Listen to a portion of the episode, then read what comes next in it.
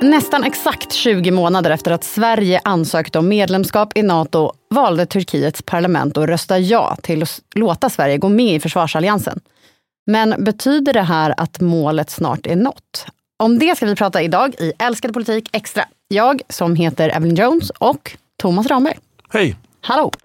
Kuzey Atlantik Antlaşması'na İsveç Krallığı'nın katılımına ilişkin protokolün onaylanmasının uygun bulunduğuna dair kanun teklifi Här tillkännager då turkiska parlamentet att de har godkänt Sveriges NATO-ansökan. Men Thomas, det här betyder inte riktigt att det är klart från Turkiet. Nej, det är väl det stora steget på vägen som många har väntat på väldigt länge. Det, eh, alltså det fanns ju redan eh, våren 2022 när eh, Socialdemokraterna till slut kom fram till att Sverige skulle söka medlemskap i Nato. Det fanns ju redan ett stöd från den borgerliga sidan där.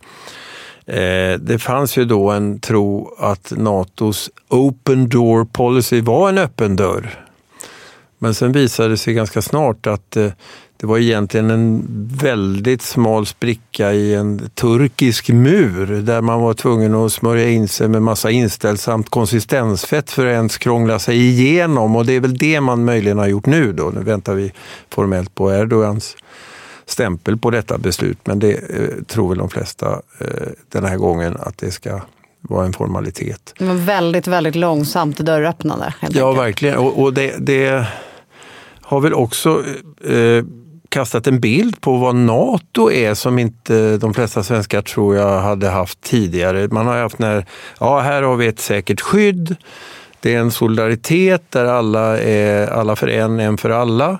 Eh, Det har ju visat sig under den här processen att det finns eh, ett NATO-land som är väldigt mäktigt som heter Turkiet som kan stoppa den där processen mitt under brinnande krig i Europa. Eh, Det är ju inte ett sätt att övertyga Putin om att NATO är en eh, motståndare som man inte ska reta upp. Eh, Dessutom har ju eh, Erdogan då haft goda förbindelser med Putin under tiden. Det har också Ungern haft. Det, nu har vi fått ytterligare en ledare i ett NATO-land i Slovakien som också har goda förbindelser med Ryssland och inte är sugna på att stödja Ukraina. Så att eh, hela den här bilden om NATO har liksom blivit mera mångfacetterad och kanske inte känns lika trygg för många i, i Sverige som den gjorde när opinionen tyckte nu måste vi med, vi är rädda för Ryssland. Men vi har, det har då varit eh, ganska många turer kring just Turkiet. Det var memorandum som skrevs på. Det var Ulf Kristersson besökte Erdogan.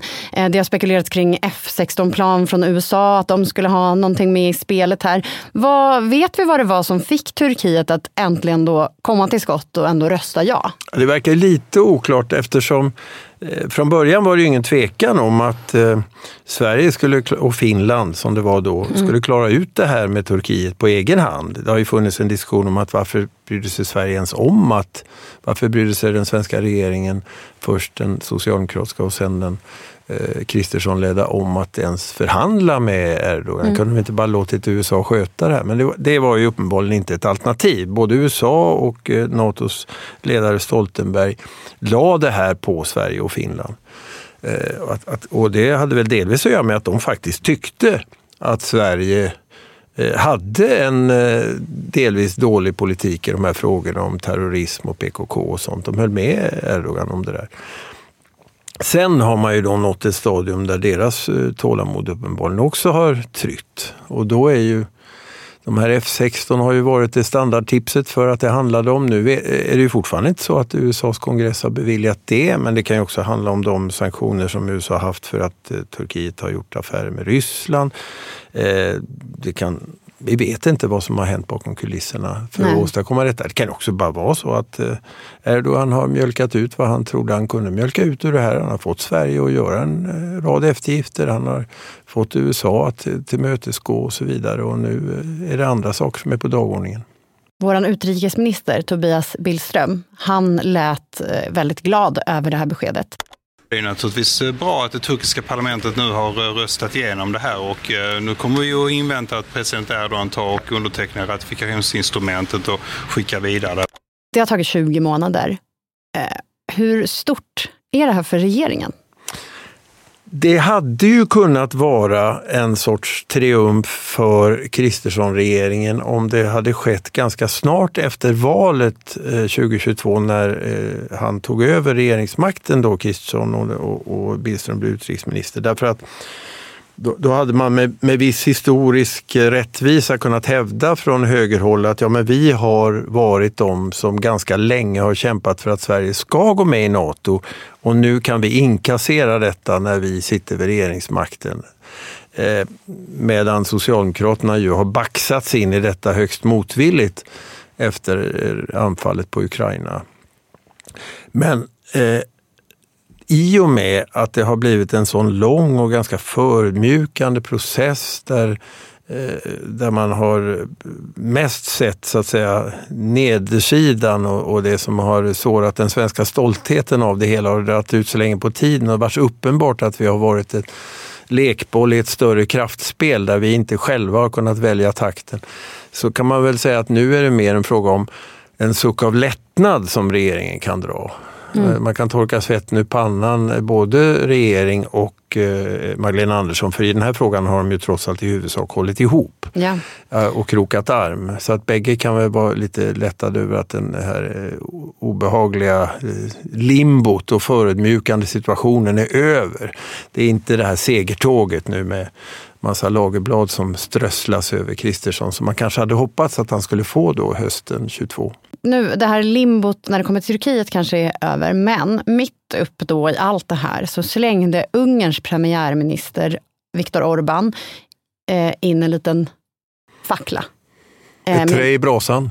Ett trä i brasan. När han bjöd in Ulf Kristersson då för att komma och inom citationstecken förhandla om eh, NATO-ansökan. Och det var ju bara nu, eh, ja, i, vid samma tid typ som Eh, det röstades igenom i turkiska parlamentet. Kan det nu bli, Ungern har ju sagt att de ska inte vara sist. Men kan det ändå bli Ungern som blir stoppklossen nu när liksom Turkiet verkar ha ändå sagt att det är okej okay med Sverige och NATO? Det var ju modern politik. På Twitter vill han förhandla. I det här formella invitationsbrevet, eh, inbjudan till regeringen, så var det inte fråga om det utan bara att han vill ha ett besök och diskutera de komplexa frågor som finns mellan Sverige och Ungern om jag förstod rätt. Mm. Nej men alltså styrkeförhållandena har ju de flesta bedömt så att Orban har mycket mindre att sätta bakom. Han är inte, Ungern är inte så viktigt. Ungern har affärer med Sverige kring flygplan, leasingavtal. Eh, Ungern är ett mindre land kontrollerar inte Bosporen, infarten till Svarta havet, har inte Natos näst största armé och så vidare som Erdogan och Turkiet har. Eh, men eh, det, man kan inte utesluta att det här har blivit en prestigefråga för Ungern. Man vill inte vara det där landet som Sverige är bland de mest högljudda i EU om att förklara att Ungern har blivit ett autokratiskt och odemokratiskt land och inte längre någon rättsstat och, och att man ska hålla inne pengar i EU och så vidare det är klart, vem som helst skulle väl känna att här håller de på och förödmjukar oss och talar om att vi inte är lika fina som de andra killarna i, i unionen. Eh, och sen ska de komma och be oss om hjälp. Mm. Och att vi ska göra dem en tjänst. Ja, så lätt går det inte. Det är liksom en naturlig prestigereaktion. Så att, ja, men en utväg kanske är att eh, jag har ingen aning om detta, eh, men en utväg kan ju vara att eh, Kristersson faktiskt gör ett besök i Ungern så småningom. Eh, men att det blir i ett läge när det inte längre är ett villkor för att få en ratificering i NATO-medlemskapet utan att det redan då är avklarat. Det tycker ju Björn Söder han, i Sverigedemokraterna. Han menar ju att det här hade redan löst sig om Ulf Kristersson bara hade tagit en whisky med Orban. Ja, eller en Tokajer kanske. ja, men det ligger väl, det, en del har ju också spekulerat i, ja, men kan, kan de inte använda sina kompisar i SD nu? De, de har ju bra förbindelse med Ungern, då kanske de kan välja. Alltså, mm. Eh, det kanske inte riktigt så det går till. Eh, och eh, den officiella sverigedemokratiska reaktionen från eh, Sverigedemokraterna har inte varit att vi ska vara fjäska med Ungern eller nu måste vi förmjuka oss, utan de har ju sagt att det finns inget att förhandla med Ungern om. Men Björn Söder är ju en extra Ungernvänlig mm. sverigedemokrat.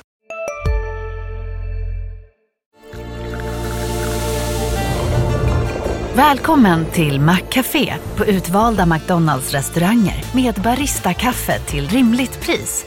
Vad sägs om en latte eller cappuccino för bara 35 kronor? Alltid gjorda av våra utbildade baristor. Vi är specialister på det vi gör, precis som du. Därför försäkrar vi på Swedea bara småföretag, som ditt. För oss är små företag alltid större än stora och vår företagsförsäkring anpassar sig helt efter firmans förutsättningar. Gå in på swedea.se företag och jämför själv.